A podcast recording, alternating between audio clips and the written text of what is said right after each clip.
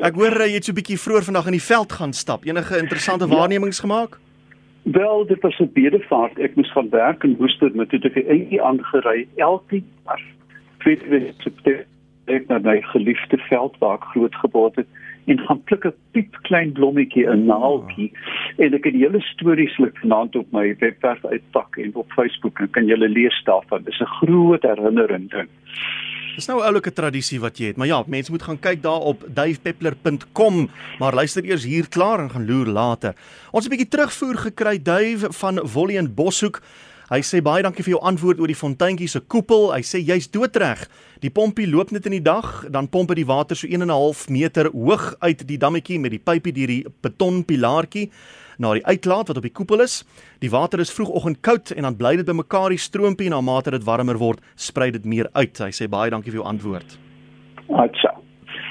En dan het ons hierdie een van uh, Piet van Staden in Heilbron en hy sê of hy vra waarom voels kleur verander, verkleur tydens die broeiseisoen. Ah, kyk, dit om jou jou vere te laat verkleur en verander kos baie energie. En ons weet dat alle voëls eenmal 'n jaar verveer. Jy weet hoenders gooi vere af, jou papegaai ensovoorts. Dit is 'n normale fisiologiese uh, proses. Maar as jy 'n mannetjie is en jy het 'n uh, wyfie met 'n houtoog, dan, dan moet jy mooi vertoon. En daarom het uh, kyk wyfies na die intensiteit van die nuwe broeikleure om vas te stel of die mannetjie fiks genoeg is om haar kroos groot te maak. Met ander woorde, as jy vier vinkies op 'n ry het en jy kan die skakerings van die rooi indekseer, dan sal die diepste en helderste rooi mannetjie sal die wyfie kry, want hulle kyk na die kleur en dit beteken hy kan hy kan goed kos versamel hmm. en hy gaan 'n goeie pa wees. So te doen met gene, jy kan sien of die voël goeie gene het. Ja, natuurlik, jy weet dit is hoe seleksie werk. Ja. Uh, daar is natuurlik tragiese goed wat nou gebeur met klimaatsverandering. Oh ja. En en en dat in Skandinawië is daar uh, 'n uh, voeltjie met naam vir die Great Tut. Dis met dankbaar vir die dinge nie Afrikaanse naam nie, maar in elk geval hulle um, moet wurms eet om 'n geel borsie te vertoon. Maar nou begin die wurms al hoe vroeër uitbroei as gevolg van klimaatsverandering, maar sy kleurverandering en sy voeding word deur die daglengte gedryf. Nee, nee. Hulle kan nie geel genoeg word nie en die wyfies wil nie na hulle kyk nie, so hulle moet suid migreer. So daar's groot bewegings as gevolg van ons intrede in die atmosfeer. Hier's 'n vraag van Bok af uh en hy vra ons uh, waar kan mens oral die wag 'n bietjie blinkblaar boom kry en wanneer blom hy en hoe lank bly sy blomme oop? Ons boer met bye en wil graag ons broeikaste rond skuif. Ons bly in Henley Klip in Meyerton. Ja, die, nou nou praat jy hulle laafveld en um, omdat dit regstreeks is kan ek nie kroek en gou op die rekenaar kyk nie.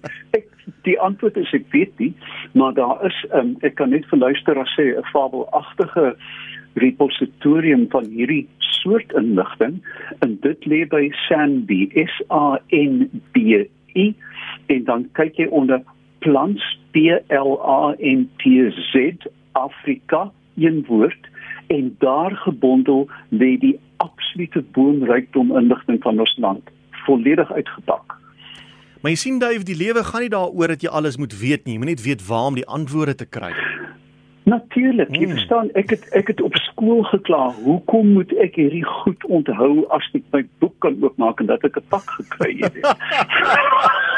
ja. Hier is 'n SMS van Mike af. Hy's 15 jaar oud, hy woon in vereniging. Hy sê ek en my maats stry is 'n sampioen 'n groente of 'n vrug en is 'n mielie 'n groente of 'n vrug. Wel, sampioene kan hulle nou ophou stry, dis 'n vrug want dit is die vrugliggaam van die miselium onder die grond en dit produseer dan um, spore wat die wind wegdra. Nee, en ja, daar's 'n reuse netwerk soos die internet onder die grond ja. en net onder regte omstandighede pop die vrugliggaam oornag, jy weet 'n sampioen ja. verskyn was oornag.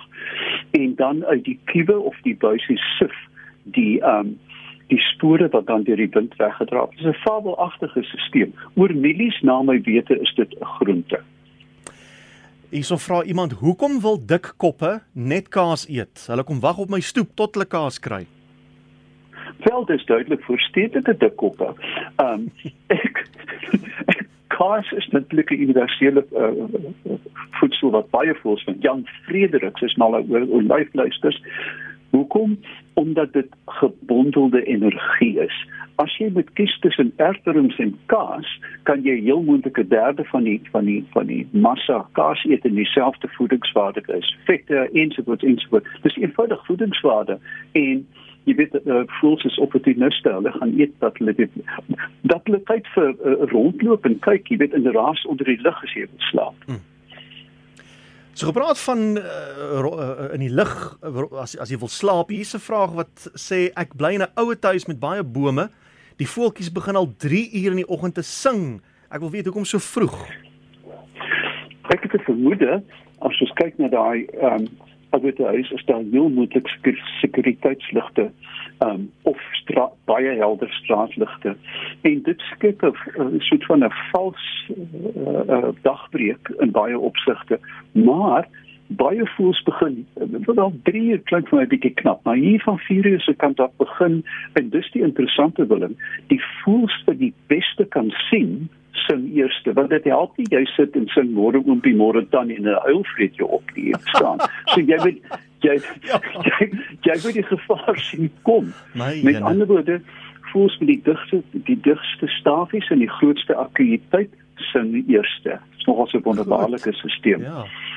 Rani in Naboom spruit se vraag wat is die verskil tussen 'n baie vreter en 'n baie vanger en wat is die doel van hierdie spesies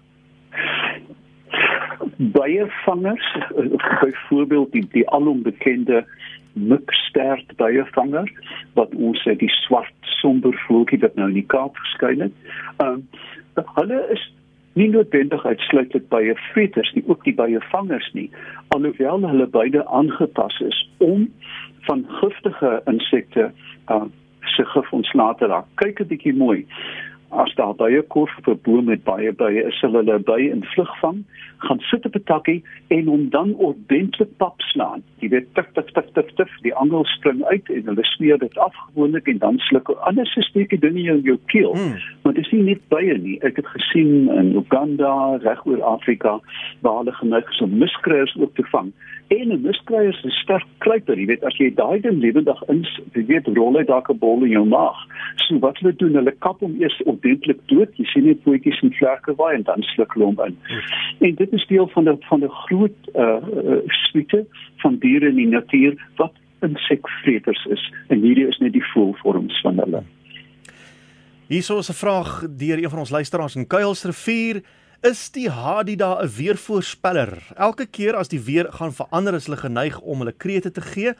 En ek het hulle nou al dopgehou. Gister het hulle voorspel dit gaan warm wees. Vanoggend het hulle gesê die weer gaan verander en dit het. Ek wil 'n ou vraag. Ek kan self net antwoord as as die, luisteraar 100 keer luister na die Hadida wat sê en dit korreleer met reën. Baie diere reageer op reën. Reisniere, en duwe is geneig om so vinnig hulle vlekke te klap en dan af te byna te val. Jy weet as jy en dan dit doen hulle voor reën. Uh, baie diere reageer, maar mens kan dit slegs bepaal as jy dit die data werklik vasvat en sê ek het 100 keer gekyk na Hadida wat wat roep en uh, 80% van die tyd het dit gereën. Daar is wel een wonderbaarlike verklikker in die natuur en dit is die reënpadda. Hierdie mooiste mooiste naam Jan Blom in Afrikaanse pieperige paddatjie wat onder die grond bly en as jy hom raak plaas jy hom op soos 'n balletjie. Ehm um, dit is jy weet hulle slang hom nie kan insluk nie en hulle roep net voor die reën en hulle oral oor die land is daar verskillende spesies en is so pragtige kroep kroep kroep en dan kan jy maar jou reënjas uithaal.